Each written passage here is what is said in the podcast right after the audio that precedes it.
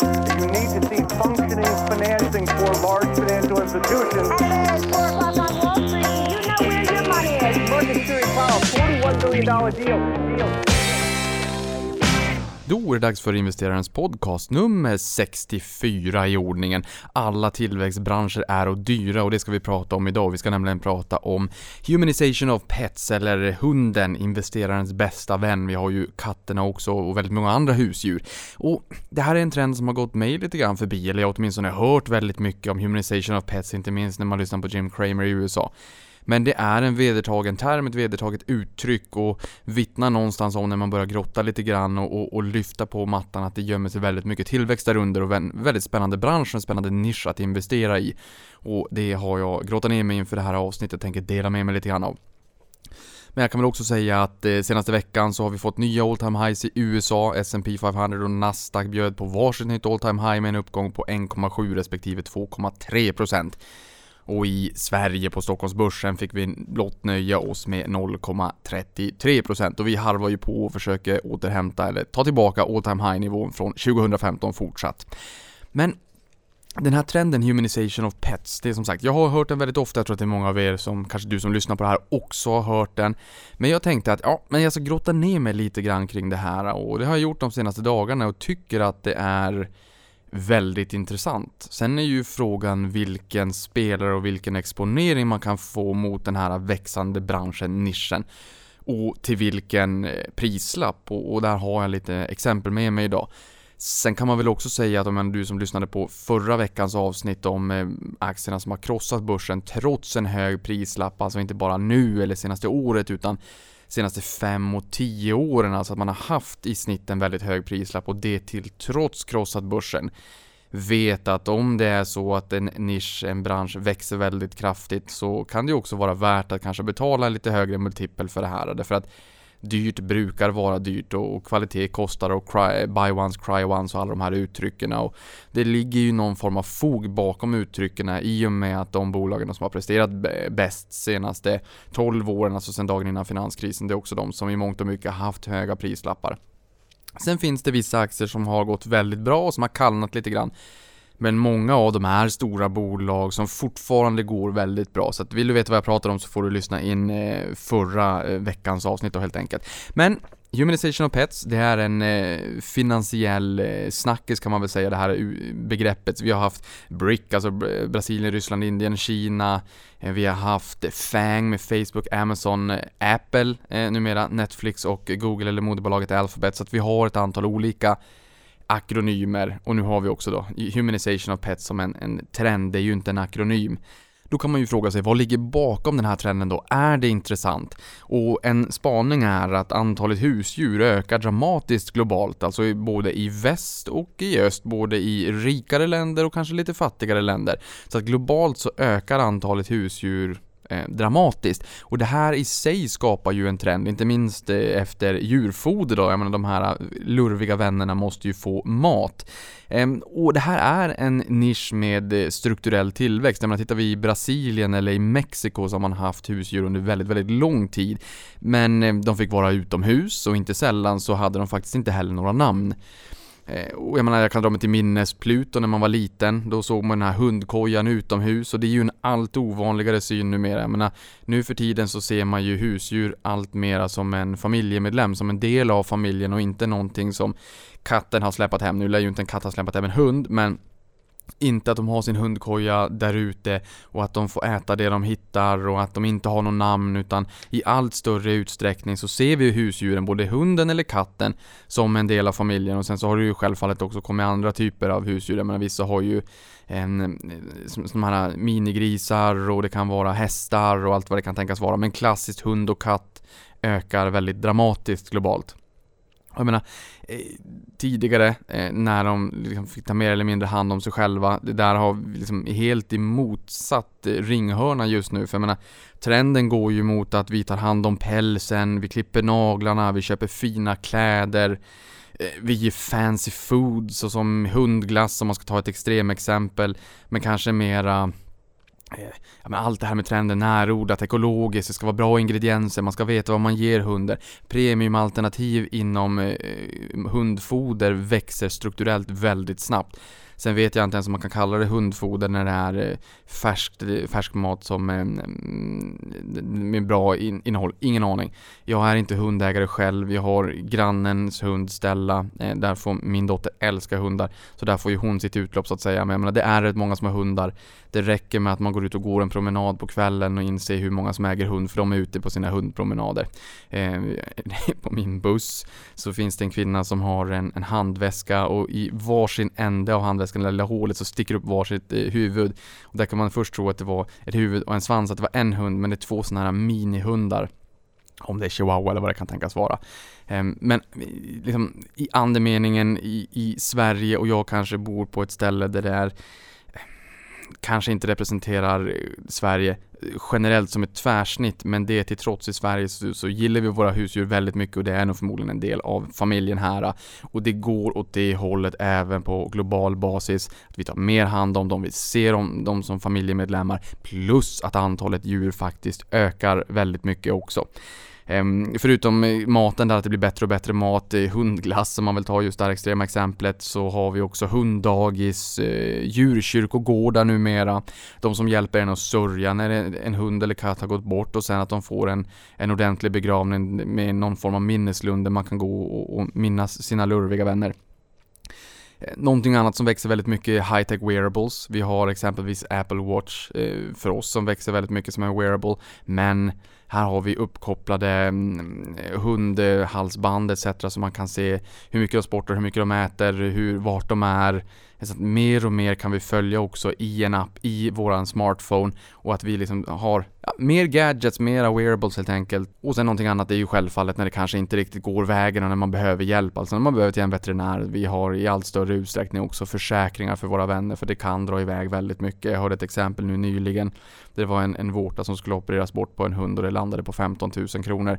Så att det, det går väldigt fort och det blir väldigt kostsamt och Sverige är ett av de länderna i världen med högst penetration när det kommer till djurförsäkringar. Men det är någonting som ökar på global basis, även det som vi kommer prata lite mer om. Eh, och min VD Rickard, han var ju tidigare VD på Länsförsäkring och där sa han att eh, det kunde vara oftare så att eh, kunder blev irriterade när man höjde barnförsäkringen, alltså premien på barnförsäkringen, än om man höjde premien på, på en, en hund eller kattförsäkring eller en djurförsäkring då. Och det här läser en rapport också från Agria eh, som för något år sedan sa att vi förmodligen inte har nått toppen men att eh, premierna på djurförsäkringar har gått upp väldigt mycket den senaste tiden.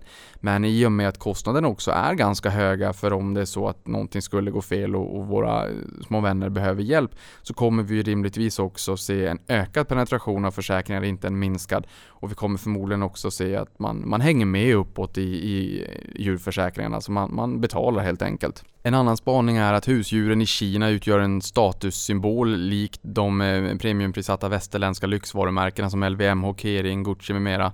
Och där kan man väl säga att det också gör att eh, det blir lite mera konjunkturokänsligt, lite mera ocykliskt med husdjur när det just blir en sån här statussymbol. Och vi har ett eh, extremexempel med Sydkorea där man för inte allt för länge sedan faktiskt åt ganska friskt eh, både hundar och katter. Och eh, det gör man fortfarande till viss del, men även i, i Kina, men eh, det, det minskar ganska drastiskt. Och här har man ställt om jätte jättesnabbt och sett en dramatisk ökning av husdjur, både bland katter och hundar. Och kattägare i Sydkorea, där jag var och besökte Sydkorea i slutet på förra året, var väldigt intressant så eh, ser man att de, just kattägarna här då, refererar ofta till sig själva som butlers. Alltså man är kattens butler och det är också någonstans från att ha ätit katten till att eh, hålla katten eh, högre än, än sig själv och anse vara liksom någon form av betjän, eh, betjänt, uppassare av den här katten.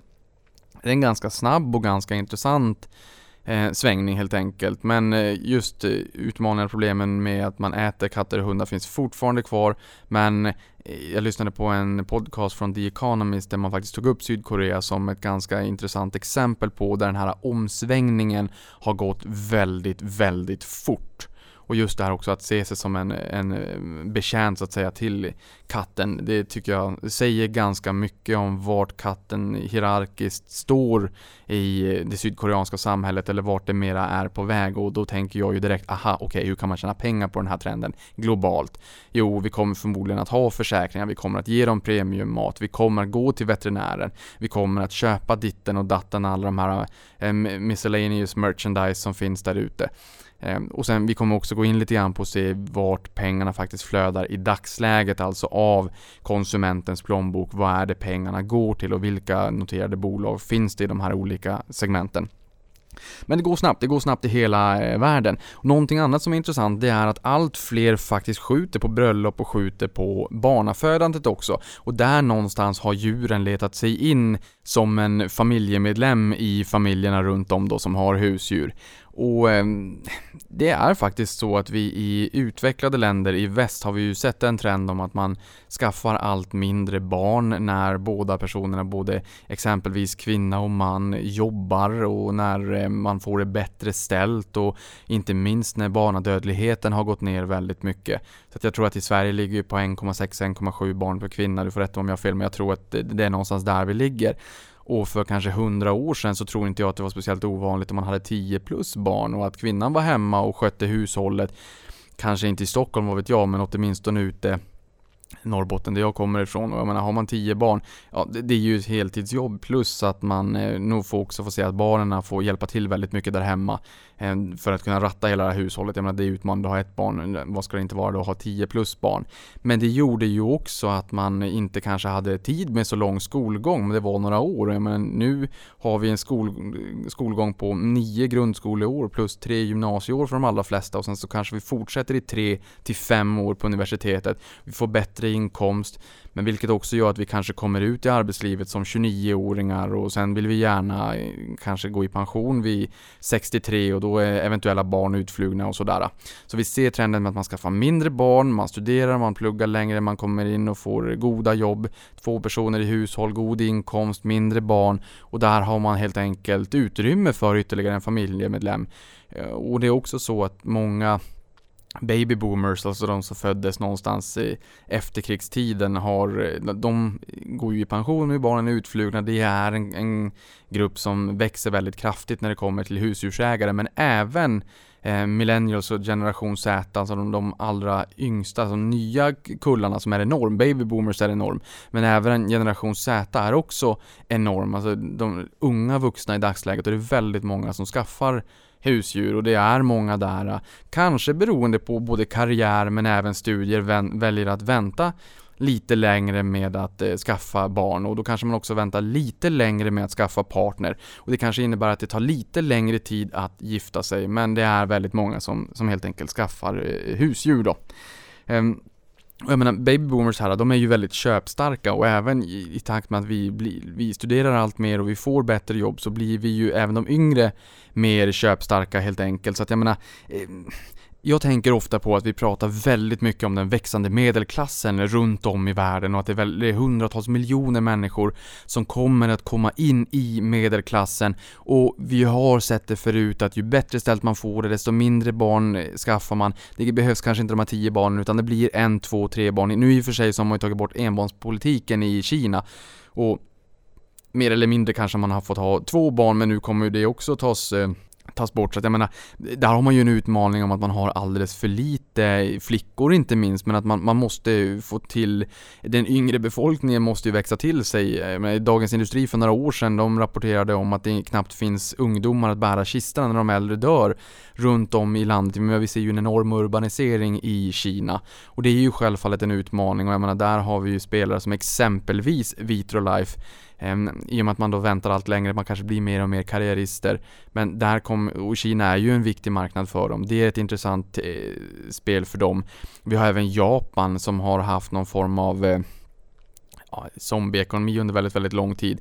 Utmaningen för dem är den deflationistiska tiden de har haft och liksom ett, eh, en parentes under de senaste 20 åren påverkas ju ganska mycket också av att man har en väldigt åldrande befolkning, alltså man har en demografisk utmaning. Man har 70 000 hundraåringar och världens äldsta person och väldigt många människor verkar bli väldigt gamla i Japan. Så även där behöver man ju yngre människor. Och det kanske också är så att japanerna på samma sätt som kineserna, vad vet jag, kanske ser husdjur som en, en statussymbol. Ehm, så att vi ser ju trender dels mot att vi behöver fler yngre människor där borta, men även mot att ehm, många tillväxtekonomier, nu räknas ju inte Japan som en tillväxtekonomi utan snarare, snarare en utvecklad ekonomi. Men om vi får begränsa oss till utvecklingsekonomierna så ser vi ju att det är väldigt många människor som kommer in i medelklassen. Det är väldigt många människor som börjar se husdjur som en del av familjen och det är väldigt många människor som kommer skaffa husdjur, kommer komma in i den här husdjursekonomin och kommer att stödja den här trenden med humanization of pets, alltså att man ser det mer som en familjemedlem. När man blir mindre människor i familjen och adderar ut med kanske en eller några husdjur helt enkelt. Och jag tänker mig att man kanske skulle kunna säga att det här är lite grann, eh, lite Maslows behovstrappa. Alltså man har de, de, de mest kritiska delarna man behöver i livet med, med, med, mat på bordet och man ska känna sig säker och trygg och liksom fortplantningen och allt vad det kan tänkas vara. Och sen att man har, liksom, man har råd att addera de här lite extra premiumsakerna i livet som kommer eh, några steg senare i den här eh, behovstrappan. Ehm, och att man då också är mer köpstark helt enkelt.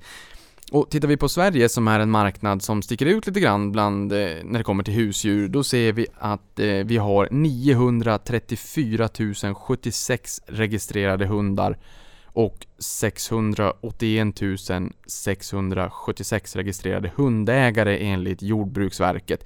För där finns det ett, ett hundregister, jag hittade inget kattregister, men hundregistret hittade jag eh, och där visar ju på att vi har det går en hund på var tionde människa i Sverige, ungefär. Och att vi har ja, 6,8, säg 7% av svenska befolkningen eh, är hundägare. Samtidigt visar en Novusundersökning att, eh, som då Agria har beställt att vi har 1 441 000 katter. Så ungefär vart sjunde hushåll, eller 14% av hushållen i Sverige har hund. Och ungefär ett av fem hushåll, eller, var, eller 20% av hushållen har eh, katt. Och dessutom Dessutom är det inte bara så att vi människor blir allt äldre. Det har vi pratat om mycket när det kommer till pensionen och pensionssystemet, hur ska det hålla, när varannat barn ska bli hundra. Men det är även så att våra lurviga vänner blir äldre. Och våra lurviga vänner, kommer ni ihåg, de är en del av familjen. De behöver alltså hälsovård och behöver kärlek och ompyssling, även de, när de blir sämre. Vilket också skapar en trend i trenden när vi kommer bena ut då så att säga vad som kanske växer allra mest. Och i Sverige har eh, 9 av 10 hundar och ungefär hälften av katterna en veterinärvårdsförsäkring. Så att vi är ju duktiga på att försäkra våra hundar och våra katter, vilket är unikt. Vi sticker ut i ett globalt perspektiv och det är inget annat land i världen som har så många försäkrade hundar och katter. Eh, och I absoluta tal möjligtvis, för vi är ju inget jättestort land, men jag tror att det är som eh, kvot så att säga, om man tittar på hur stor del av, av populationen hundar och katter som är försäkrade så sticker vi by far ut. Och det är faktiskt så här att jag i en del investerarpresentationer också på bland globala bolag har sett Sverige som ett eh, solskensexempel när de visar på marknadspenetration och eh, marknadsandel samt den adresserbara marknaden Eh, och visa på att tänk om vi bara skulle kunna ha samma penetration som, som Sverige så skulle det kunna se ut så här. Så där sticker vi ut. Eh, och det kanske är en ledande indikator också eh, mot eh, vart vi är på väg. Jag menar, Sverige är ett rikt land. Vi har den här eh, låga barnafödelsetalet per kvinna. Vi har både kvinnor och män som eh, jobbar. Jag tror inte att det ser ut så i Japan vill jag minnas, utan där är det ju ofta så att eh, det är mannen som jobbar plus den demografiska utmaningen. Men låt oss se Sverige kanske som en ledande indikator mot vart det faktiskt är på väg. Ehm, dels med att vi älskar våra lurviga vänner, vi har väldigt mycket husdjur, vi ser det som en del av familjen, vi har försäkringar. Ehm, och om man tar USA som exempel så har ungefär 1% av ehm, hund och kattägare eller husdjursägare har försäkringar. 2% i Kanada. runt 40% i Sverige. Så det är en, en monumental skillnad och jag tror att det finns en enorm tillväxtmöjlighet i världen när man börjar få det bättre ställt när man har skaffat hunden, när man kanske har bytt upp till lite premiummat, när man har köpt de här roliga leksakerna och kläderna till hunden. Ja men då kanske man också börjar tänka på vad, vad händer om det går snett, min hund eller katt lever längre, om de blir sjuka, det är ju faktiskt en del av familjen, det är ju det är kanske till och med så att vissa substituerar barn eh, mot husdjur eh, och andra har det som komplement. Ja, det är klart att då vill vi också ha möjlighet att hjälpa dem om det behövs, men det kostar mycket pengar och där kommer ju försäkringsbiten in i spelet helt enkelt. Tittar vi däremot på USA så ser vi att ungefär 68% av hushållen har husdjur. Eh, och det är 84,6 miljoner hushåll då som har husdjur. Och den här siffran har stigit från 56% 1988 till 84,6 miljoner här för förra året.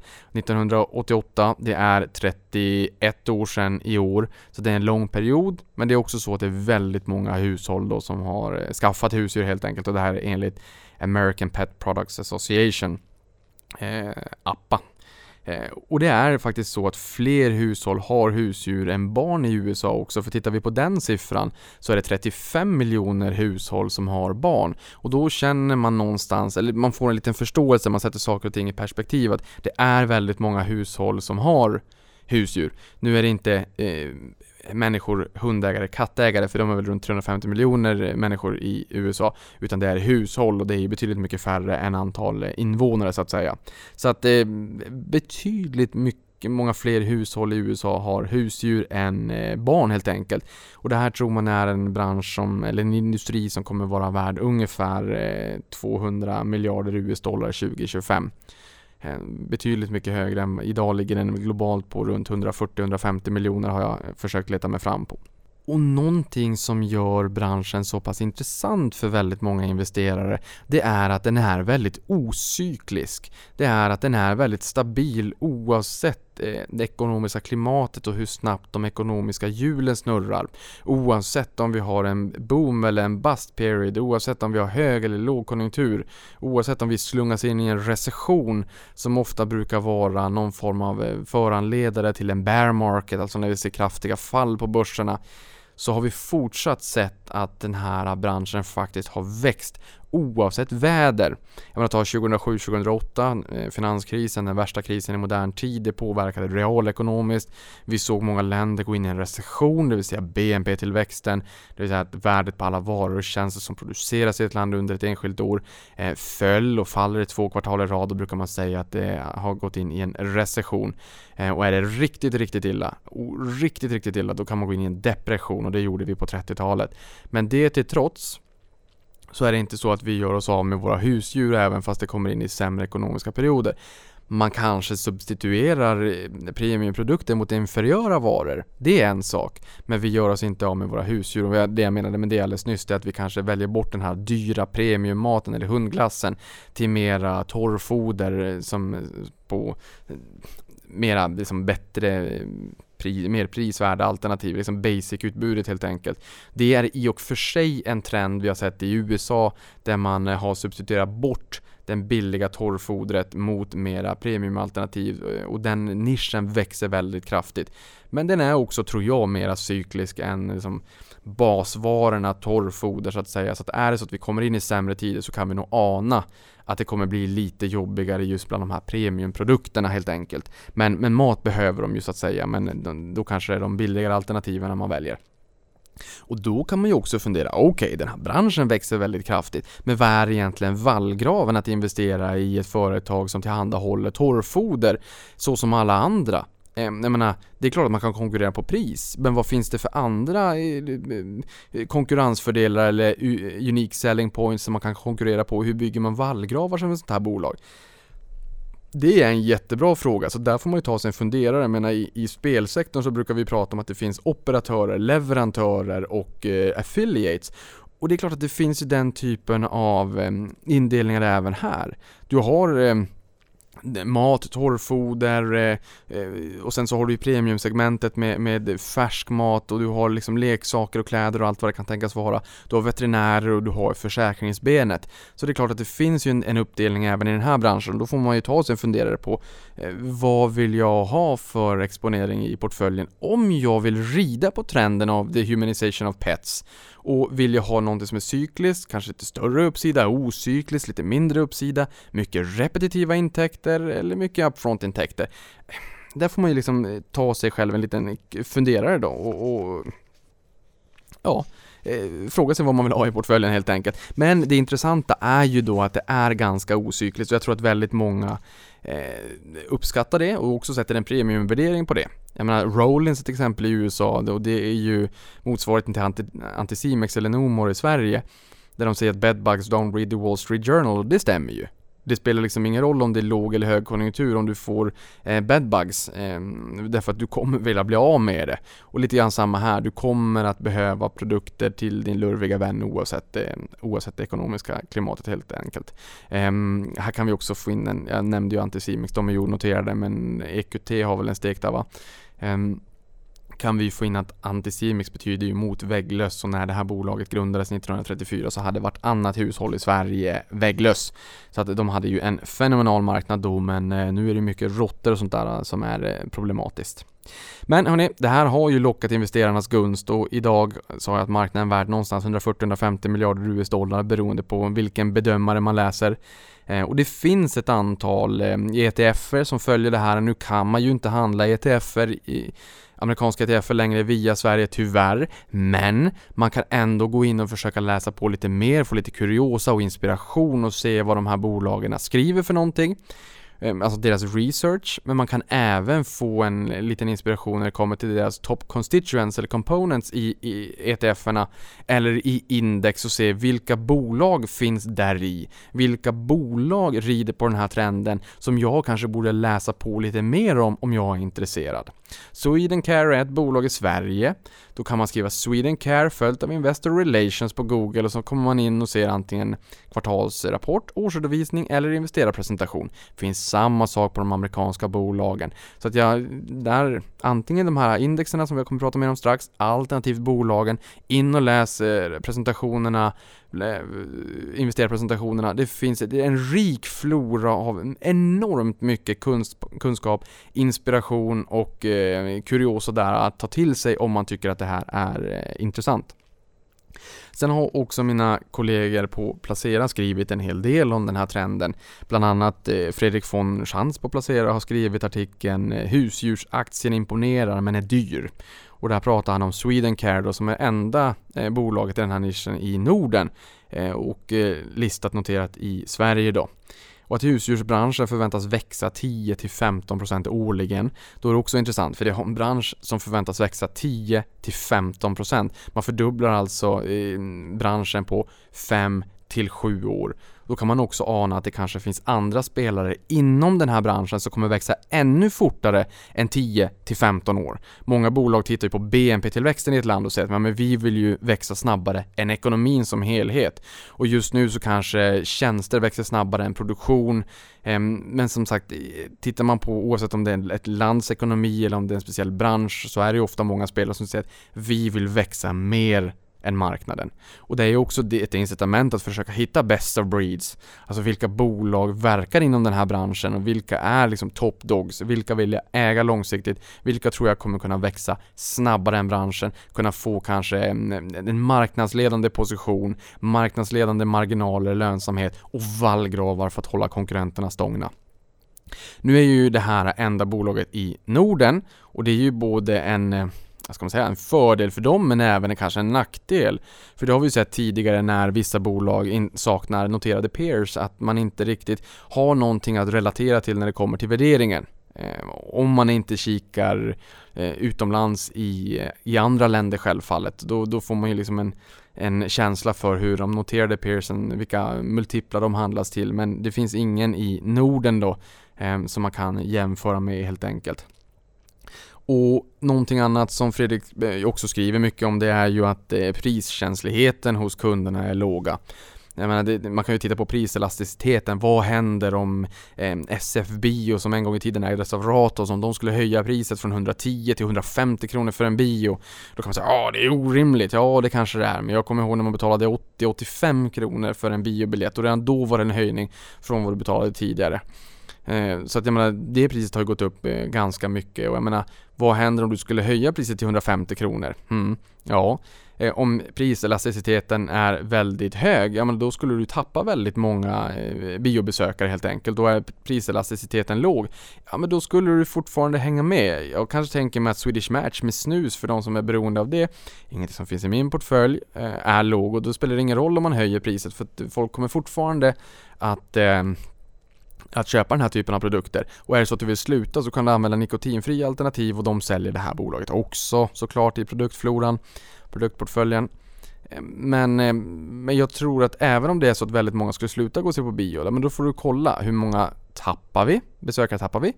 Och hur många nya besökare får vi? Så att det är ju hela tiden ett volymspel. Vi tappar x antal besökare men den nya besökssiffran, volymen, som är lite lägre, betalar ju också lite mer. Så vart tjänar vi mest pengar? Om man tittar på liksom priselasticiteten. Vad händer om vi höjer eller sänker priset? Höjer priset, hur mycket sänker vi efterfrågan med?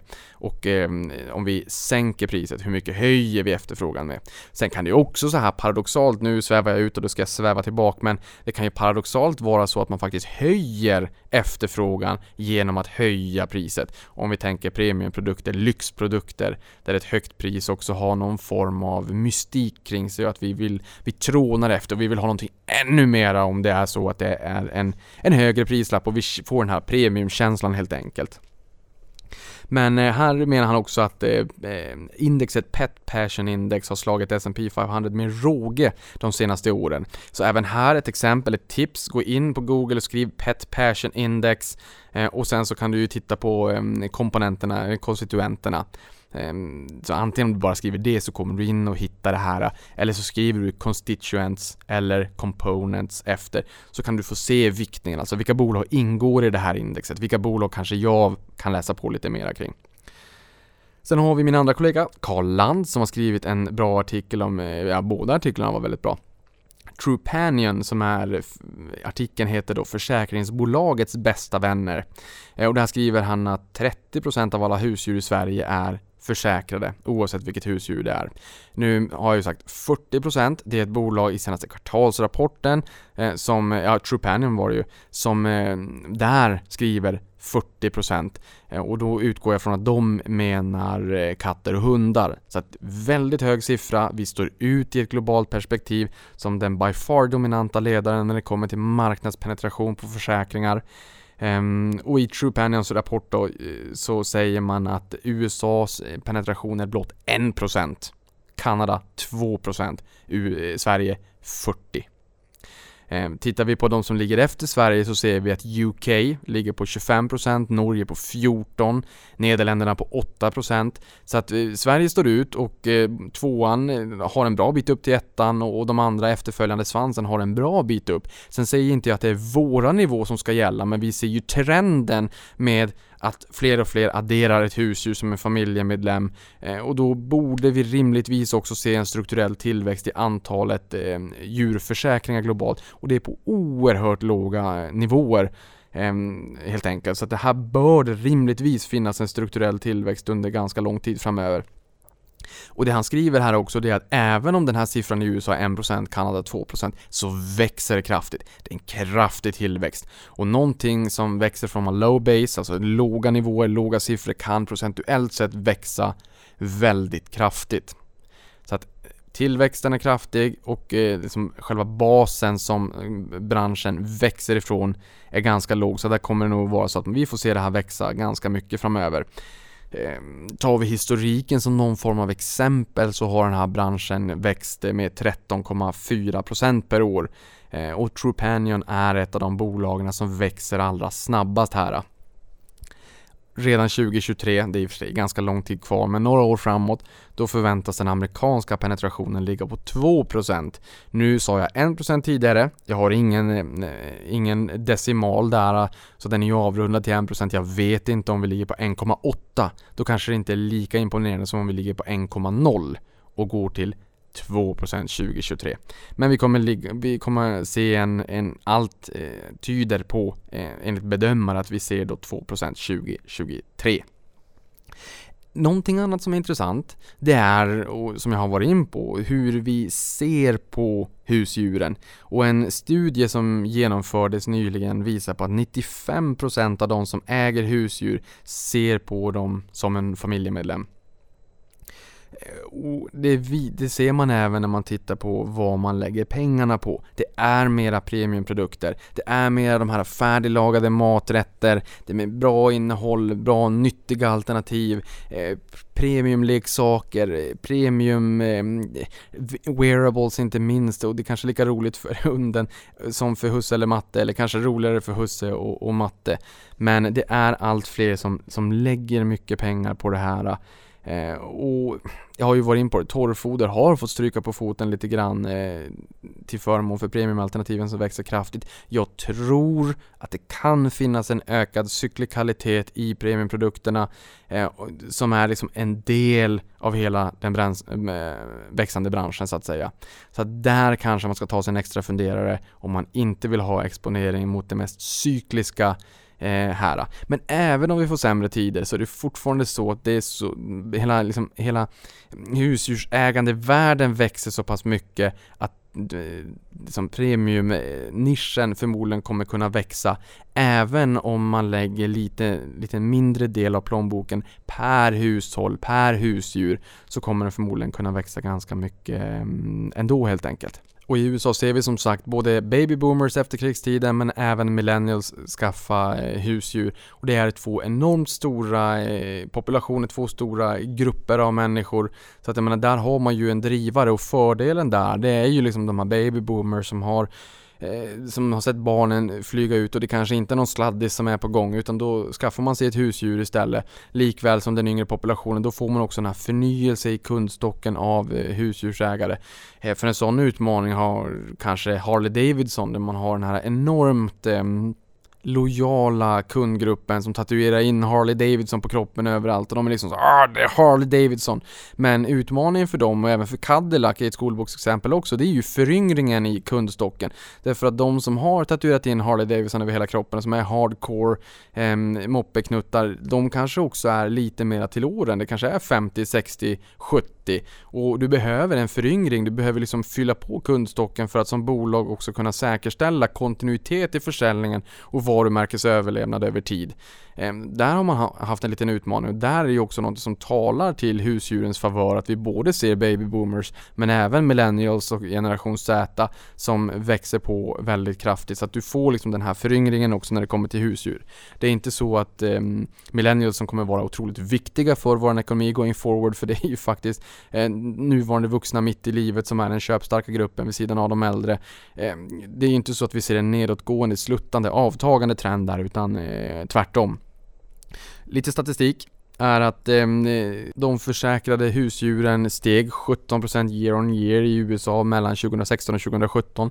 Så vi sa där att även om marknadspenetrationen är 1% så växer den kraftigt. Så att 17% växte eh, basen av husdjur som var försäkrade i USA mellan 2016 och 2017. Ehm, 80% säger att de ehm, tar hand om sina husdjur ungefär som om det vore ens egna barn. 79% tror att eh, kvaliteten på deras husdjursmat ska matcha kvaliteten på den maten man äter själv. Att det inte ska vara någon skillnad där utan att det ska vara lika god, lika kvalitativ mat som man faktiskt själv äter.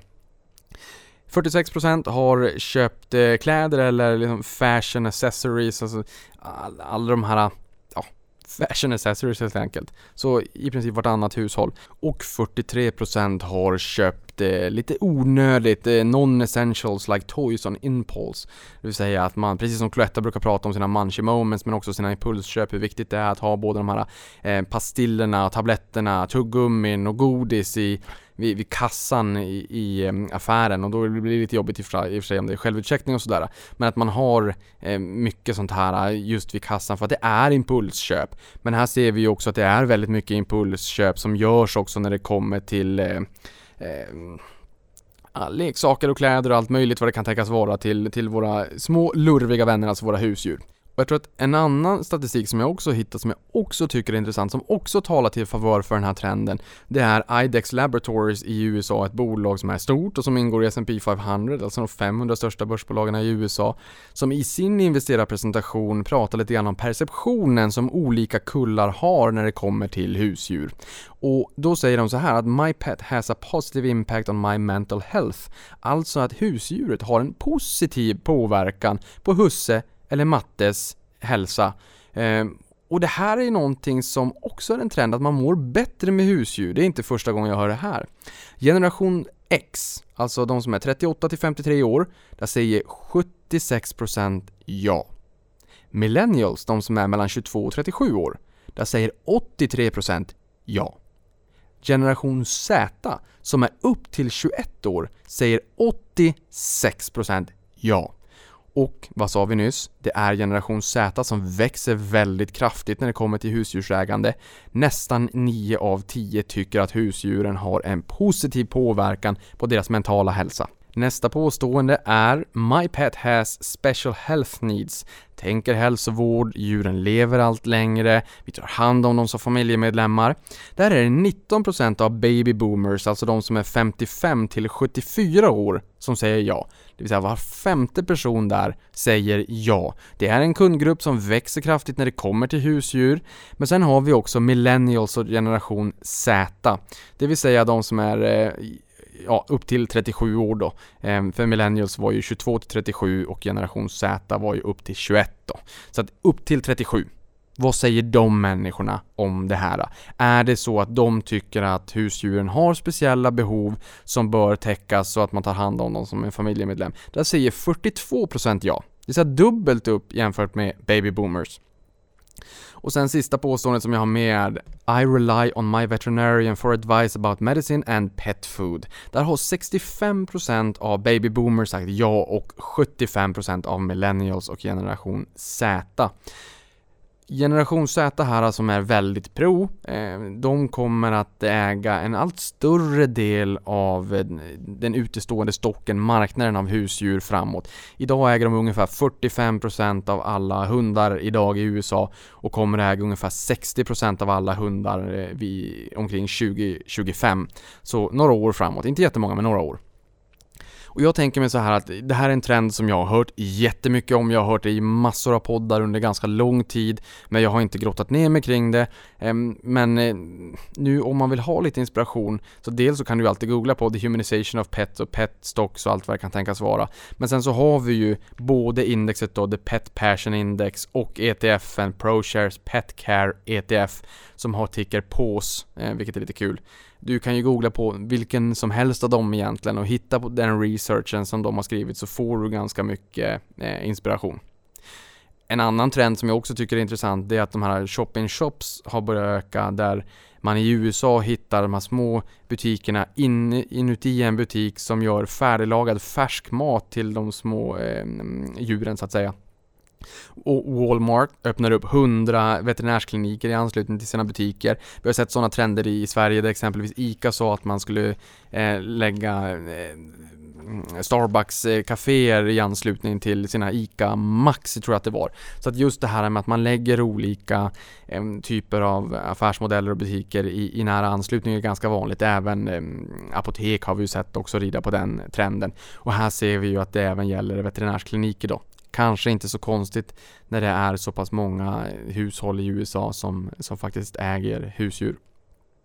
Och då kan man också fundera på hur man kan rida på trenden. Det är eh, ProShares här säger att det har varit 80 stycken merger and acquisitions, eh, alltså kort och gott eh, företagsaffärer, sammanslagningar, uppköp och utköp och sen har vi också sett en del högprofilerade spin-offs då där man har avknoppat och särnoterat bolag och slagit samman bolag då, och, särnoterat sammanslagningarna så att säga. Så att det har varit mycket affärer i den här branschen. Det är ganska många som har förstått att den växer snabbt och om man bryter ner den här trenden så som jag har varit in på tidigare så har vi då mat och foder som är den största kostnadsposten för alla husdjursägare. Det är lite grann rakbladsmodellen. Det är många som har prenumerationsmodeller för att få repetitiva intäkter och som försöker bygga en vallgrav då för att se till att eh, man inte byter helt enkelt. Ehm, det är klart att många av de här eh, kanske kan ses lite utmanande konkurrera av Amazon i framtiden eh, och redan nu också i och för sig. Men där tänker jag att man verkligen måste eh, sticka ut och skapa sig eh, en bra eh, unik selling point och en vallgrav om det så att man inte bara ska konkurrera om pris. Sen har vi veterinärer, det är 28 000 olika Eh, veterinärskliniker i Nordamerika, USA och eh, Kanada och betydligt många fler globalt. Och sen har vi också djurförsäkringar, alltså en bransch som är gravt underpenetrerad globalt men eh, har en väldigt hög marknadsandel, hög penetration i Sverige då. Och tittar vi då vart vi, vi lägger pengarna så som sagt mat och foder det är det viktigaste följt av medicin och övriga stapelvaror och därefter då eh, veterinärskostnader. De kan ju dra iväg när väl det händer någonting så att säga. Men eh, jag skulle vilja säga att maten och medicin och andra stapelvaror kanske är mera av eh, repetitiva kostnadsposter medan eh, veterinärskostnaderna ja, det dyker ju upp när det händer någonting och sen är det förhoppningsvis så då att försäkringen täcker det, det största då helt enkelt. För, och just det här med att försäkringar är inte i topp men vänt, förväntas ju kunna växa på ganska ordentligt strukturellt. Och jag har tagit med mig några bolag som rider på den här trenden som eh, du gärna får läsa på vidare om. Och eh, både kvartalsrapporter, årsredovisningar men även investerarpresentationer. Det är jättemycket mums information där. Och vi börjar med Swedencare som är det bolaget som är ensamspelare i Norden som jag har förstått. De utvecklar, marknadsför och säljer premiumprodukter på den globala och snabbväxande marknaden för hälsovårdsprodukter till hund, katt och häst. Eh, och bolagets finansiella målsättning här är att nå en omsättning överstigande 200 miljoner kronor nästa år till en ebitda-marginal överstigande 30%, det vill säga rörelseresultatet före av och nedskrivningar på 30%. Det är en väldigt god rörelsemarginal. Eh, och det är en omsättning som är dubbelt så hög som 2018 vilket ger en, en årlig tillväxttakt på 42% om året. Det här bolaget har en eh, prislapp, en värdering på 1,2 miljarder och tingar ett P tal rullande 12 om 41 gånger. Och det har lockat eh, 1660 avancianers gunst så att det är så många ägare vi har på plattformen då. Eh, och omsättningen har stigit 44,6% per år sedan Q2 2016 och ebitda har stigit med 52,4% om året. Och här utgör Nordamerika 26% av topline följt av 20% Asien och 20% UK Ireland medan Sverige, som kan tänka Swedencare, i, som namnet vittnar om, utgör faktiskt bara blott 4% så att det, eh, där blir man ju lite förvånad. Eh, det är en, en liten, liten andel av försäljningen som görs i Sverige. Sen har vi Chewy som kom in på börsen här för inte allt för länge sedan. Då sprang det runt en massa hundar på New York Stock Exchange på handlargolvet. Ehm, och det var en, en riktigt bra eh, börsintroduktion. De är ju en renodlad e-handlare som mer är ett pure play kan man väl säga för foder och leksaker och tillbehör så att säga. Ehm, och börsintroduktionen är de mest lyckade i år och aktien steg som mest 80% i introduktionen för att stänga upp 59% upp den dagen då. Bolaget grundades 2011 och ser sig själva då som den största Pure Play e-tailer i USA. Man brukar säga retailer eller mm, så, men jag tror att det är någon liksom lek med ord här, e-tailern. Ehm, kanske för att man ehm, tänker på eh, hunden eller kattens svans. Kundtjänst dygnet runt och två dagars leverans och marknadsvärdet uppgår till eh, 13,6 miljarder US-dollar. Så att det, det är en rätt stor spelare får man väl säga.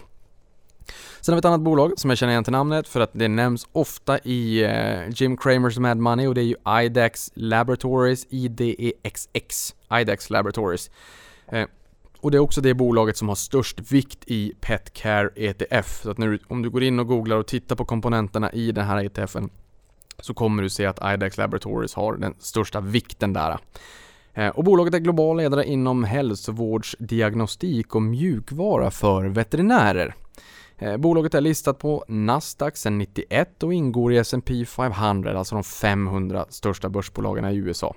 Och intressant här att största delen av bolagets intäkter om 2,2 miljarder dollar i fjol är återkommande. Nästan 90% av intäkterna är repetitiva från veterinärskliniker. Vi sa att det var 28 000 i eh, Nordamerika, USA, Kanada.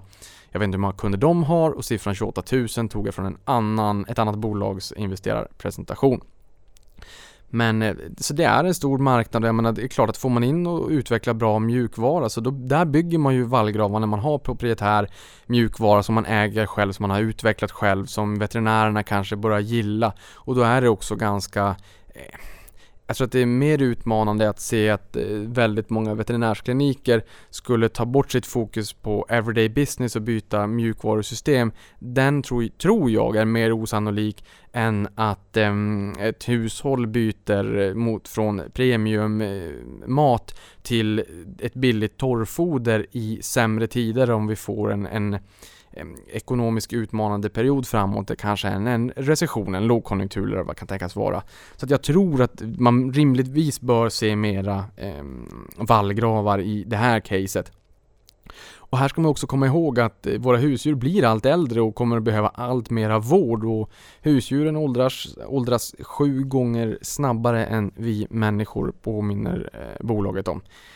Eh, och här långsiktigt så vill man eh, kunna bjuda på en organisk tillväxt om 10% per år och en vinsttillväxt på 15-20% årligen. 15% fördubblar ju vinsten vart 50 år och om vi varken ser en multipel kontraktion eller en multipel expansion, det vill säga att man betalar mer eller mindre för varje vinstkrona, så bör vi ju också se en ehm, en eh, aktie som stiger med 100% på fem år. Sen är det också så att eh, multiplarna på de här bolagen är ganska höga. Marknaden är inte dum, marknaden är fram, framåtblickande, man värderar dem ganska högt i dagsläget. Så att jag menar, ju större och mer mogna de blir, eh, desto lägre multipel kommer vi att se. Men allt annat lika så behöver inte aktien sjunka, utan i takt med att vinsten stiger så sjunker ju värderingen per automatik som ett brev på posten. Men sen kanske vi också får lite, lite tillväxt på, ehm, eh, på aktien helt enkelt. Men allt annat lika så kommer ju eh, bolagen att växa in i värderingskostymen eh, så länge marknaden fortsätter att växa. P talet på 59,1 gånger och en rörelsemarginal på 23,3. Och senaste tre åren har det här bolaget ökat intäkterna med 11,7% om året och vinsten har ökat 32% årligen. Så vi har ju också en vinsttillväxt. Men tittar man på ett P tal om eh, i det här fallet då på 59,1 gånger vinsten, ja då får du sätta det i relation till, eh, till vinsttillväxten. Så att du har ett P tal på 60 skarvar vi till och du har en vinsttillväxt på 30. Då har du ett PEG-tal på 2, aktiespararna säger en halv gång till två gånger. Så att ehm, även om eh, P talet är väldigt högt så är också vinsttillväxten väldigt hög, eller har varit. Så tror man att det kommer fortsätta Tror man att man kommer ta ännu mer hand om, det vill säga den installerade basen, om jag får använda ett fikonuttryck som inte kanske hör hemma i den här branschen, men om den installerade basen av husdjur ökar, om det är så att vi tar allt bättre hand om dem, om det är så att de blir allt äldre så kommer vi förmodligen kanske också att eh, gå till veterinären oftare. Och det kanske också gör att vi kommer kunna se en hygglig vinsttillväxt även eh, framåt. Och det här är ju höga värderingar i den här typen av bolag och därför tycker jag att det är väldigt klokt att skala upp en position. Är du nyfiken på ett bolag, köp eh, en post och skala upp. Buy to build. Köp inte en, en position rakt upp och ner dag ett och bli, få ont i magen om den faller 5% utan skala upp den positionen i sådana fall. Eh, och sen kan man ju tycka att det här är perfekta bolag om man vill ha en exponering mot den här branschen. Eh, perfekta bolag att ha på en bevakningslista för får vi en orolig marknad som vi, vi fick hösten 2018 ja, då kanske det kan vara bra lägen som faktiskt dyker upp. För när det blir riktigt eh, mörkt på börsen, då dyker ju det mesta. Och då vill man ju någonstans försöka passa på att köpa det man inte riktigt har unnat sig tidigare. Sen har vi Dekra, specialiserade på veterinärmedicinska läkemedel och relaterade produkter. Eh, utvecklar, tillverkar, säljer och marknadsför högkvalitativa produkter för veterinärer världen över. Eh, det här är listat på Londonbörsen och försäljningen har ökat med 28% om året senaste två åren och vinsten har stigit med 70% om året. Eh, P talet på 79,3 så att ja, du tänkte aha, bra vinsttillväxt, bra intäktstillväxt och bra vinsttillväxt. Ja, men eh, det har marknaden också sett och förväntningarna är inbakade där. Så ett P-tal på 79,3 alltså innevarande år och 68,7 för nästa år. Aktien är upp 42% i år, 129% på tre år och 355% på fem år. Dekra Londonbörsen. Sen har vi Freshpet Producerar och säljer färsk och nyttig mat till husdjur baserat på bra råvaror. Eh, bolaget är ett av de snabbast växande spelarna inom djurfoder i USA, det vill säga all mat då, så inte bara premiumsegmentet. Eh, har tre olika kylar, bra, bättre och bäst med färsk kyld mat som ställer ut i dagligvaruhandeln. Så att du kan alltid googla Fresh Pet och eh, Refrigerator Eh, så kommer du kunna se de här, eh, hur de eh, ser ut. Och de hittar du om du är i USA. Runt om i landet finns 19 000 kylar i USA då på Walmart, Target, Kroger, Petco, Whole Foods som ägs av Amazon. Och bolaget har som mål att omsätta 240 miljoner US-dollar 2019, vilket är en ökning om då 25% om året de senaste två åren. Eh, justerat ebitda, alltså rörelseresultat före av och nedskrivningar förväntas stiga 26% om året under samma period. Och bortom 2020 säger bolaget att man också förväntar sig att växa internationellt, däribland Europa och Sverige fanns med på den kartan. Men aktien är price for perfection med ett P-tal på 777 för 2019 är expected. Och då kanske du satte eh, kaffet i vrångstrupen, men som sagt, eh, marknaden och börsen är framåtblickande. Ehm, och man förväntar sig att 2019, alltså innevarande år, att bolaget då ska bli lönsamt på sista raden och sen så förväntas eh, vinsten stiga 11 gånger, det vill säga 1100% till 2021. Så att då landar P-talet på 63. Högt det också, förvisso, Eh, och börsen är ju framåtblickande, så det ser vi även i aktiekursen som är upp 407% de senaste tre åren. Sen har vi Zoetis, som är världens största hälsovårdsbolag för djur. Det förra var mat, nu är vi på hälsovård. Våra lurviga vänner blir allt äldre, de får allt mer kärlek, de är en del av familjen och de kommer att behöva vård och vi kommer att ge dem den vården och vi kommer förmodligen också att öka andelen penetrationen av djurförsäkringar för att vi inte vill att det ska gröpa hål i plånboken när väl det händer. Men det här är världens största hälsovårdsbolag för djur, alltså Zoetis. Eh, forskar, utvecklar, tillverkar och kommersialisera läkemedel, mediciner, vaccinationer och diagnostiska produkter och övriga tjänster. Eh, bolagets kunder består bland annat av veterinärer, djuruppfödare och husdjursägare i 100 länder helt enkelt. Så det, det är bra spridning. I fjol kom 54% av omsättningen från djuruppfödare och farmer medan 45% kom från husdjurssegmentet. Så det här är inte ett pure play på husdjur utan det är ett eh, dual play eh, där det är liksom djuruppfödare eh, med den kommersiella, kommersiella biten som står för lite större andel och eh, husdjursbiten som står för lite mindre andel helt enkelt. Ehm, och sen så har de en egen hemsida också, eller en egen sida på hemsidan som heter Responsible Use of Antibiotics. För man tänker på det här med antibiotika i köttet och liksom den ehm, negativa delen och ehm, eh, multiresistenta bakterier som klarar sig trots antibiotika och en, en överkonsumtion av antibiotika globalt och, och de utmaningar som det kan föra med sig. Så det är ju någonting värt att fundera på och läsa på lite grann kring om man är nyfiken på det här bolaget helt enkelt.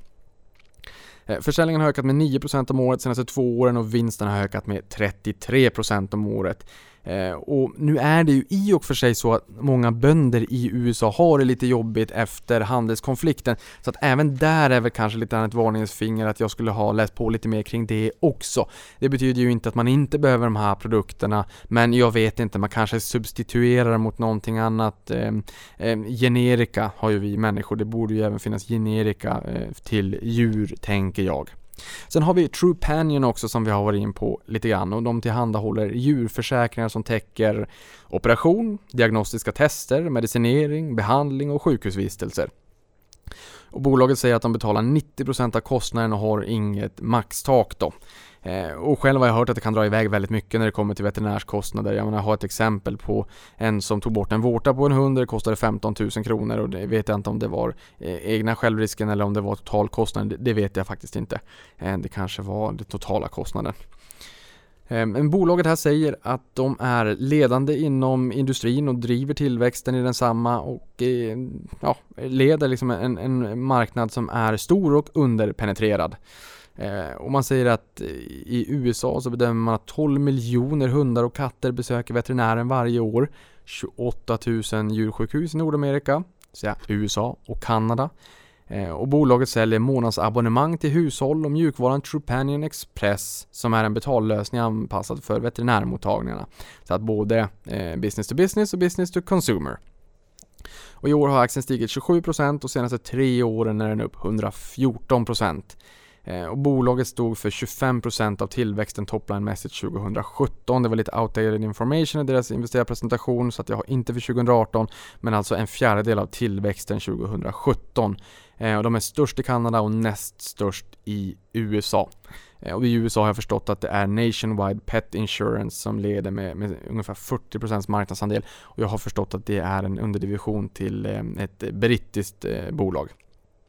Topline 27% om året senaste två åren och eh, break-even 2020 med ett eh, P tal på 291 gånger som faller ner till 154 gånger 2021. Så det här ser du ju alldeles uppenbarligen att de här aktierna är priced for perfection. Det är väldigt många bolag inom den här nischen som handlas väldigt högt, som har gett aktieägarna väldigt bra avkastning eh, det senaste året, senaste åren.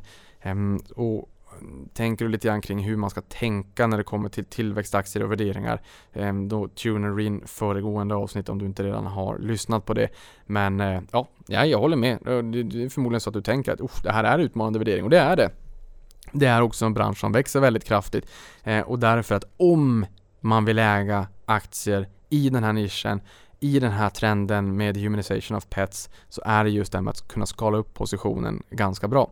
Så att köper du en liten position, du har aktien i portföljen, du kan skala upp över tid. Är det så att den går ner lite grann, då kan du ju eh, skala upp och, och förbättra ditt GAV eller genomsnittliga anskaffningsvärde. Alternativt så läser du på kring ett av de här bolagen och lägger det på en bevakningslista så att får vi en större nedgång på börsen, ja men då kanske du är där och kan plocka på dig en stek då helt enkelt. Men eh, vi är över timman, jag ska skynda mig och, och kan jag väl säga bara att ja, vilka bolag har gått bäst på börsen är ju frågan. Freshpet är upp 37% i år, eh, 407% senaste tre åren. Swedencare 59% i år, 274% senaste tre åren. Suetis 35% i år, 133% senaste tre åren. Dekra i London 42 i år och 130 på tre år. Trupanion 30% i år och 118% på tre år. Eh, sen har vi Tractor Supply, eh, har jag inte pratat om, 33% i år och 26% de eh, senaste tre åren. PetMed Express, minus 29% i år och minus 14% på tre år, har haft några lite utmaningar.